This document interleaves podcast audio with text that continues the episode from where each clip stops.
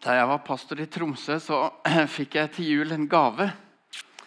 Da sto den på eh, denne talerstolen når jeg kom på gudstjenesten på morgenen. Et sånn kjempefint håndsydd etui til Kleenex til en lettrørt pastor. Så der er jeg. Det er hyggelig å være her hos dere. Som pastor så er et av mine forbilder døperen Johannes.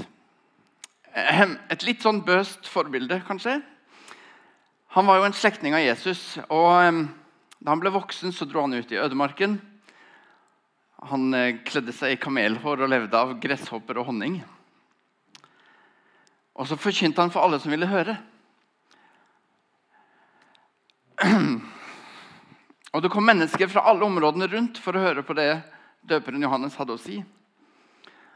Johannes han var den som først pekte på Jesus og sa, 'Se der er Guds lam'. Og Da Johannes ble spurt om hvem han var, så svarte han bare, 'Jeg er en røst som roper i ødemarken:" 'Gjør Herrens vei rett', som profeten Jesaja har sagt. Det Johannes ropte, det han ønsket at folk skulle høre og få inn, det var 'venn om'. Vend om, for himmelriket er kommet nær. Og Mengder av mennesker kom til Johannes og tok imot og ville døpes, bekjente syndene sine. Og Johannes døpte til omvendelse.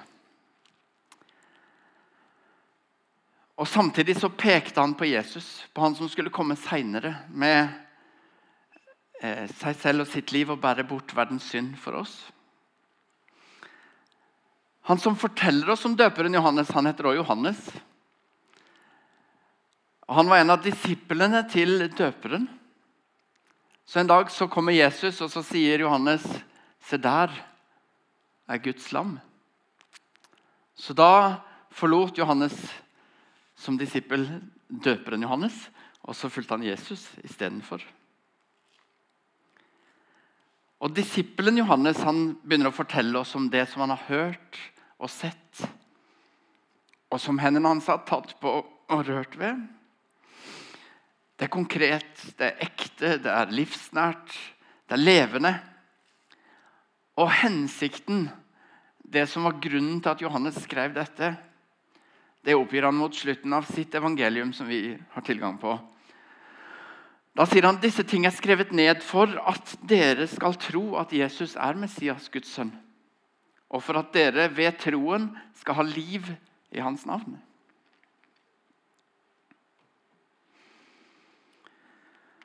Døperen Johannes er et forbilde for oss fordi han peker på Jesus. Fordi han forteller om viktigheten av å omvende seg. Og peker på den som har gitt alt for at du og jeg skal bli satt fri. Det er det det handler om. At vi har blitt satt fri. At vi skal få leve det livet som vi var ment å leve. Og Det er det som er evangeliet. Det er det som er de gode nyhetene om at Gud har grepet inn i verden og satt oss fri fra alt som binder. Å leve sånn som Gud, vår skaper, hadde tenkt at vi skulle leve. Og det er mye som binder. Kristendommen er i utgangspunktet en omvendelsesbevegelse. Det er ikke en religion som begynte med noen doktriner eller noen leveregler. eller sånn og sånn må vi gjøre. Det er en omvendelsesbevegelse. Jesus, altså Gud, kom ned til jorda for å gjenopprette forholdet mellom ham og oss. Og så gjorde han det uten at vi fortjente det. Og disiplene, etterfølgerne til Jesus, etter å ha fulgt Jesus et par år, så kom de til ham og så spurte de, hvem er størst i himmelen?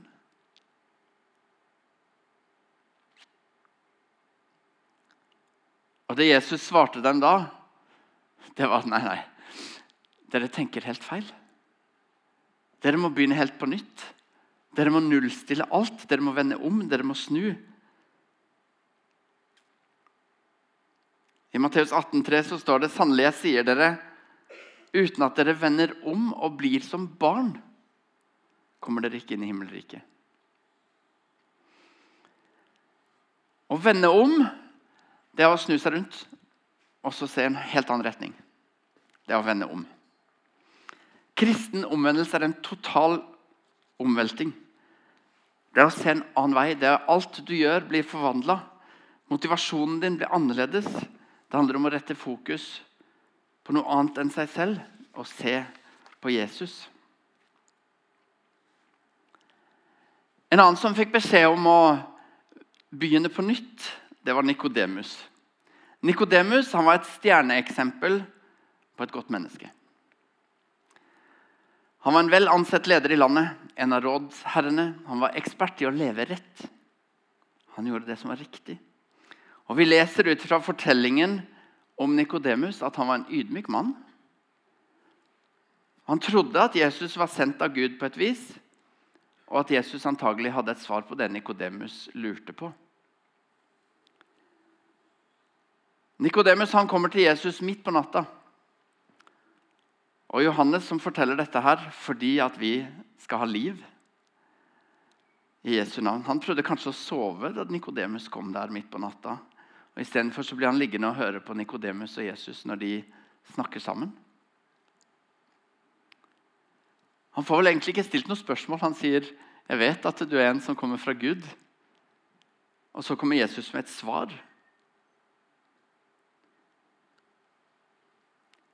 Kanskje Jesus skjønte hva Nikodemus egentlig lurte på. Og så gir han ham et svar. Kanskje Nikodemus tenkte at så lenge jeg er et godt menneske, så lenge jeg lever rett og gjør det som står i budene, så lenge jeg gjør gode ting og gir penger til de fattige, så går det vel bra? Da er det vel greit? Jeg er jo en bra fyr. Og Da kunne man kanskje forvente at eh, Jesus svarte Nikodemus, du er så nærme. Bare gi litt til til Leger uten grenser. Bare hjelp noen flere. Bare still opp litt mer i kirka. Eller bare gjør bitte litt flere gode gjerninger. Så er du der. Da har du liksom nådd opp. Bare vær litt bedre. Men det er ikke det Jesus svarer. skjønner dere? Han sier Nikodemus, du må begynne helt på nytt. Skal jeg lese for dere fra Johannes 3, og vers 1-13. Det kommer også på veggen. Det var en mann som het Nikodemus. Han var fariseer og en av jødenes rådsherrer. Han kom til Jesus om natten og sa, 'Rabbi, vi vet at du er en lærer som er kommet fra Gud,' 'for ingen kan gjøre de tegnene som du gjør, uten at Gud er med ham.' Det var ikke noe spørsmål der. ikke sant? Og så står det Jesus svarte. Sannelig, sannelig, jeg sier deg, den som ikke blir født på ny, kan, Guds, kan ikke se Guds rike. Du må starte på nytt. Hvordan kan en som er gammel, bli født? sa Nikodemus.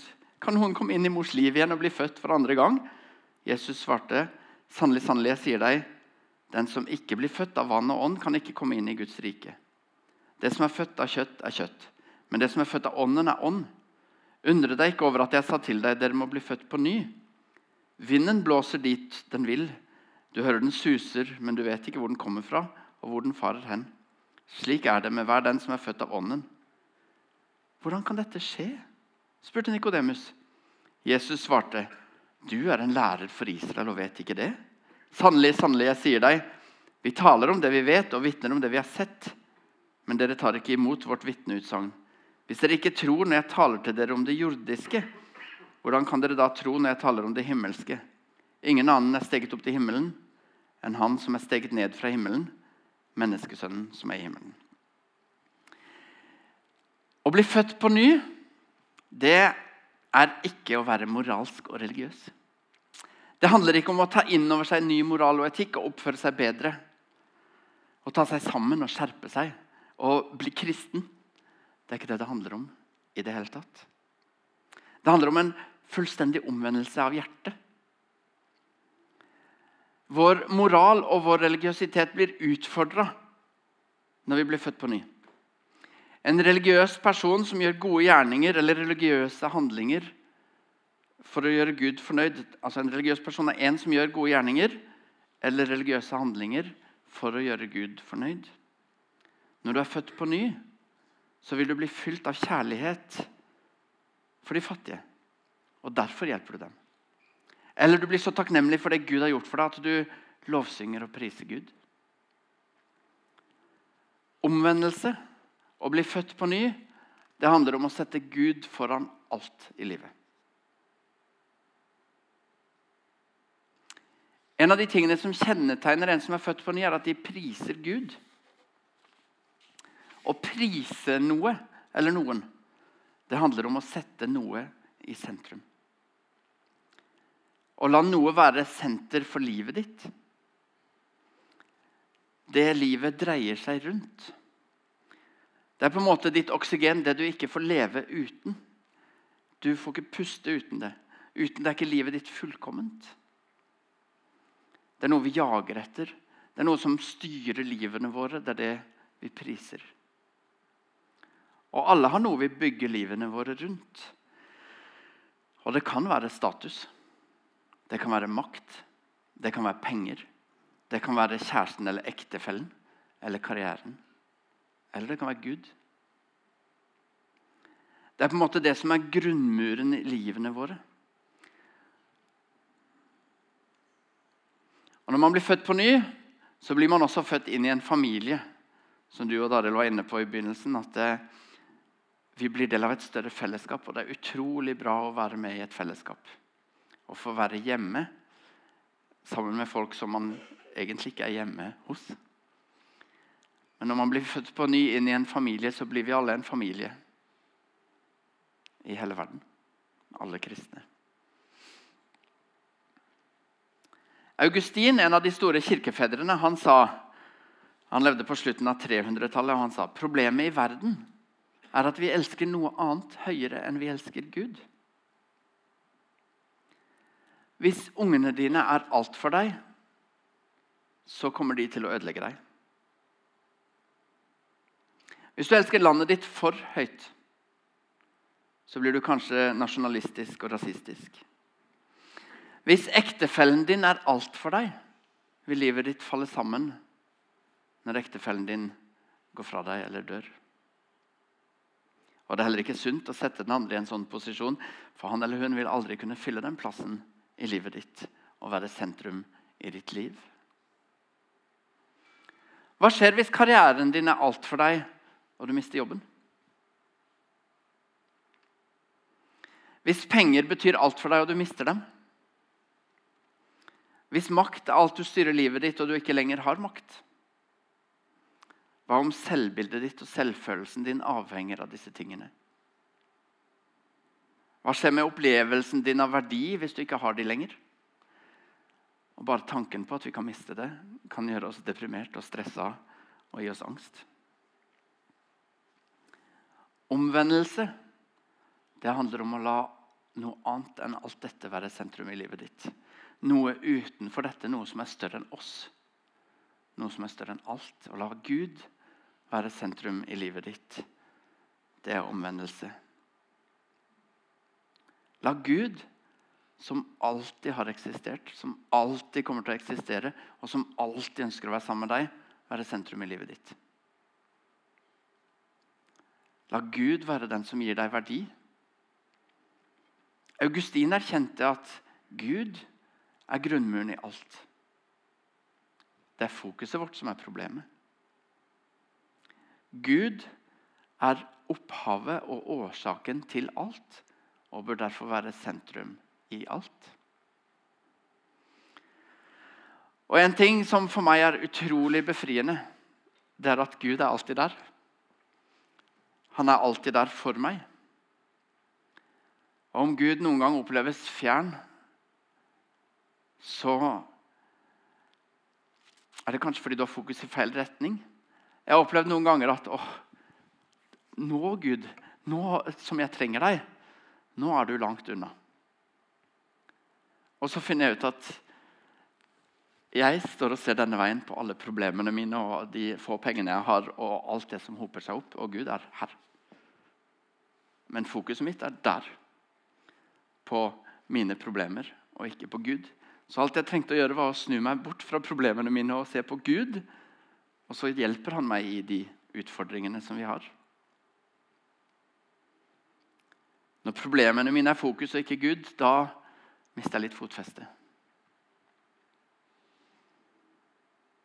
Legg alle deres bekymringer på Herren handler om å endre fokus. Å fokusere på Gud framfor problemer. Det handler om å vende om.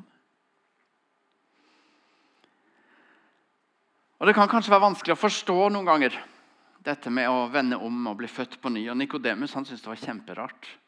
Hvordan i all verden skal jeg bli født på ny? Og Så forklarte Jesus han det på et språk som han forsto. Kanskje vi trenger å få det forklart på ny? Hva betyr det å være født på ny? Og Når jeg skal forklare det, så merker jeg at jeg har egentlig ikke ord for det. Det er veldig vanskelig å forklare. Det er en av de tingene som du egentlig bare vet fordi du har opplevd det. Men hvordan forklarer du det for folk? Det er en opplevelse, en erfaring, som er vanskelig å beskrive. Og Jeg måtte velge å si ja til Jesus før jeg opplevde at jeg ble født på ny. Jeg måtte si ja til Jesus før han, ble, han flytta inn i hjertet mitt og jeg fikk nytt liv. Og Da kan jeg forstå hva det betyr, selv om det er vanskelig å forklare.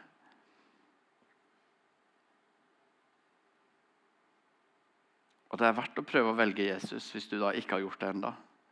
Selv om det virker rart og fremmed, så er det forskjell på å kjenne til ham og å kjenne ham.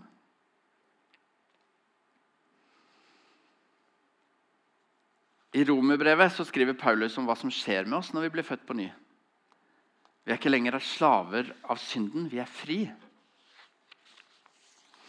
Romerne 6, vers 3-8. Eller vet dere ikke at alle vi som ble døpt til Kristus Jesus, ble døpt til hans død?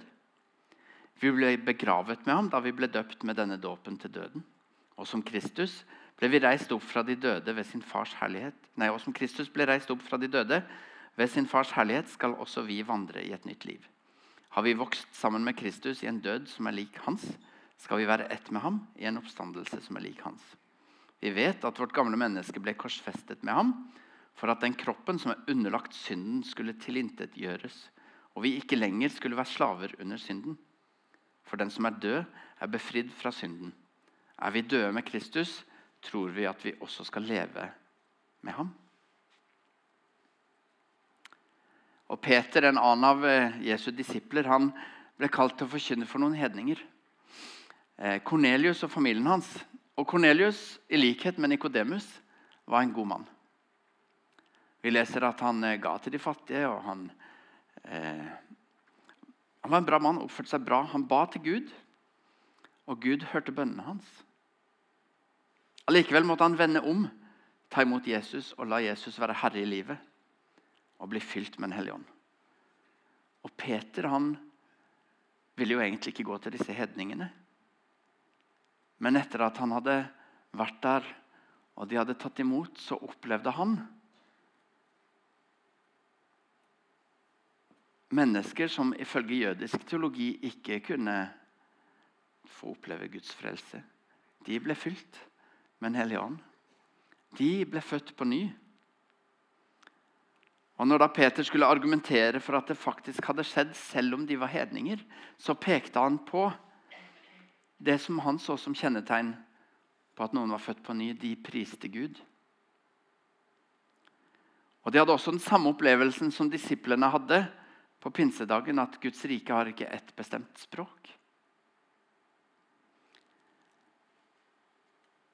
Esekiel han forteller oss at vi får et nytt hjerte, en ny ånd, når vi blir født på ny. At han bytter ut steinhjertet vårt med et kjøtthjerte. Esekiel 36. Jeg stenker rent vann på dere, så dere blir rene. Jeg renser dere for all urenhet og for alle avgudene. Jeg gir dere et nytt hjerte. En ny ånd gir jeg inni dere. Jeg tar steinhjertet ut av kroppen deres og gir dere et kjøtthjerte i stedet. Jeg gir min ånd i dere og gjør at dere følger forskriftene mine, holder lovene mine og lever etter dem. Da skal dere få bo i det landet jeg ga fedrene deres. Dere skal være mitt folk, og jeg skal være deres Gud. Jeg befrier dere fra all urenhet. Så kaller jeg kornet fram og gjør grøden stor. Jeg gir dere ikke sult. Både Nikodemus og Kornelius fikk høre at de var bra mennesker, men at det ikke var nok.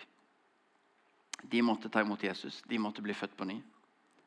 De måtte vende om. Og Gjenfødelse det kommer av tro. Tro kommer av å høre evangeliet og å ta imot. Og evangeliet, de gode nyhetene, er at Jesus døde for oss. Overvant døden da han sto opp igjen og ga oss muligheten til å leve et fritt liv sånn som Gud hadde tenkt for oss. Og Det er mange som tar imot uten at de helt forstår, men så kommer Den hellige ånd og så forklarer han det for oss. Og Hvis du ikke helt skjønner dette her med å bli født på ny, eller du har vondt for å tro på øyenvitneskildringer, så er det ikke så veldig rart, for dette her dette her hører egentlig til i en annen dimensjon. Det kan være vanskelig for oss å forstå det. Vi kan ikke forstå Gud fordi han er altfor stor. Han er uendelig stor, og det, det kan ikke vi begripe. Og vi kan ikke forstå det. Men vi kan få lov til å ta imot. Vi kan få lov til å tro selv når vi tviler. Vi kan få lov til å legge livene våre i Guds plan uten at vi helt vet hva som skal skje. Og det er skummelt for mange.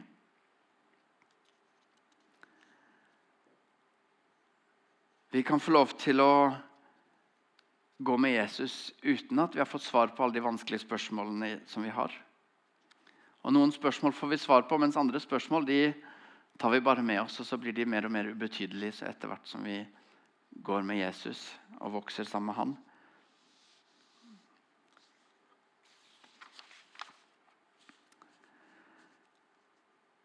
Noen spørsmål får vi ikke svar på i det hele tatt, fordi at vi kommer ikke til å kunne forstå svaret. For det er for stort. Hvis du ser for deg en strekfigur som du har tegna på et ark med svart-hvitt Hvis han plutselig kom over i en dimensjon hvor det var farger og 3D, og så kommer tilbake igjen til sitt ark og skal forklare vennene sine der hvordan farger og 3D er, så er det helt umulig.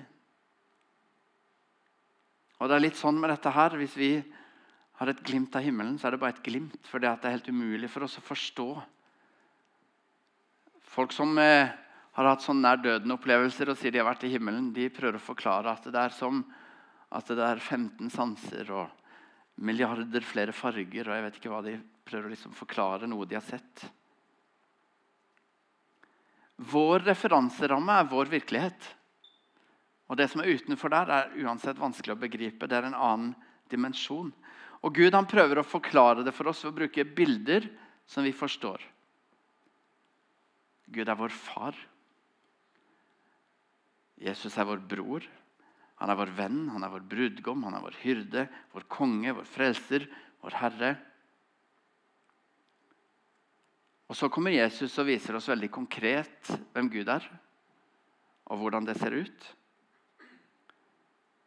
Og Gud ville gjerne bryte inn i vår dimensjon ved å være der som Jesus og vise sin fullkomne kjærlighet og godhet og fred. Og Når vi sier ja til Jesus og opplever denne kjærligheten, når vi blir omvendt forvandlet, så bobler denne kjærligheten fram i oss. og Det er det som gjør at vi får lyst til å fortelle andre. Det er det som driver oss til å nå vennene våre eller kollegene våre. Det er derfor vi peker på Jesus, fordi vi er fylt med denne kjærligheten. John Stott sa uansett hvor mye vi kan og vet om Jesus, og hvor mye vi sier at vi tror på ham, så hjelper det ikke hvis vi ikke er lydige. Selv om det er viktig å vite mye om Jesus og si at vi tror på ham. Det viktigste er ikke om vi sier hyggelige, høflige, koselige, entusiastiske ting til eller om Jesus. Det viktigste er heller ikke om vi hører hans ord eller lytter, studerer, funderer, pugger uten at hjertene våre renner over, eller stufulle med hans lære. Det viktigste er hva vi gjør med det vi hører og lærer. Jesus er ikke fornøyd med at vi kommer på gudstjeneste og overveldes av en preken og blir rørt til tårer og går ut i hverdagen igjen som om ikke det hadde skjedd. Han blir ikke imponert hvis vi beundrer etikken hans eller blir rørt til tårer av visdommen hans. Kunnskap blir først aktuell når den blir omsatt til handling. Vi må endre måten vi lever på. Vi må være ordets gjørere og ikke bare ordets hørere. Og ikke ta feil. Dette budskapet som jeg har i dag, det gjelder for oss som går i kirka på søndager, og som tilhører en menighet, og ikke bare de som ikke har hørt og ikke har tatt imot og må vende om. Vi må òg vende om. Jesus befaler oss å gå og gjøre det som han forkynner. Like radikalt som det er sagt. Har du et kall over livet ditt som du ikke har fulgt enda, så er det på tide nå. Hvis vi ønsker vekkelse, så må vi våkne opp. Hvis menneskene rundt oss skal få møte Jesus og få mulighet til å vende om, så er det du og jeg som må fortelle dem. Og det er du og jeg som må vise dem med livene våre at det betyr noe. Da må du og jeg vende oss om fra vår bedagelighet. Og det er jammen lett å skli inn i den bedageligheten.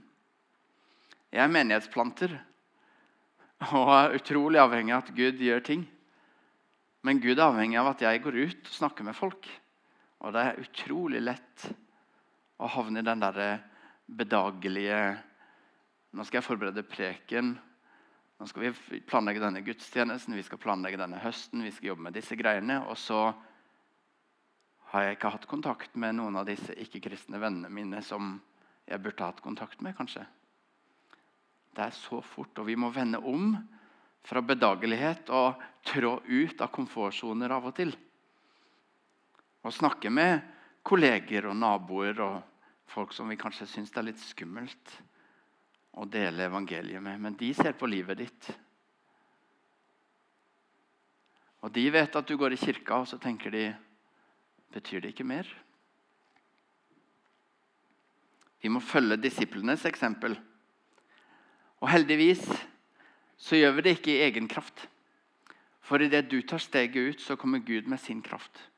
Og så hjelper han deg, og så får du de ordene du trenger, og den kraften du trenger til å stå i det. I det som han har kalt deg til. Gud kaller på hjertet ditt. Gud ønsker å være sammen med deg. Og han søker alltid etter måter å få kontakt med deg på for å tilbringe mer tid sammen med deg.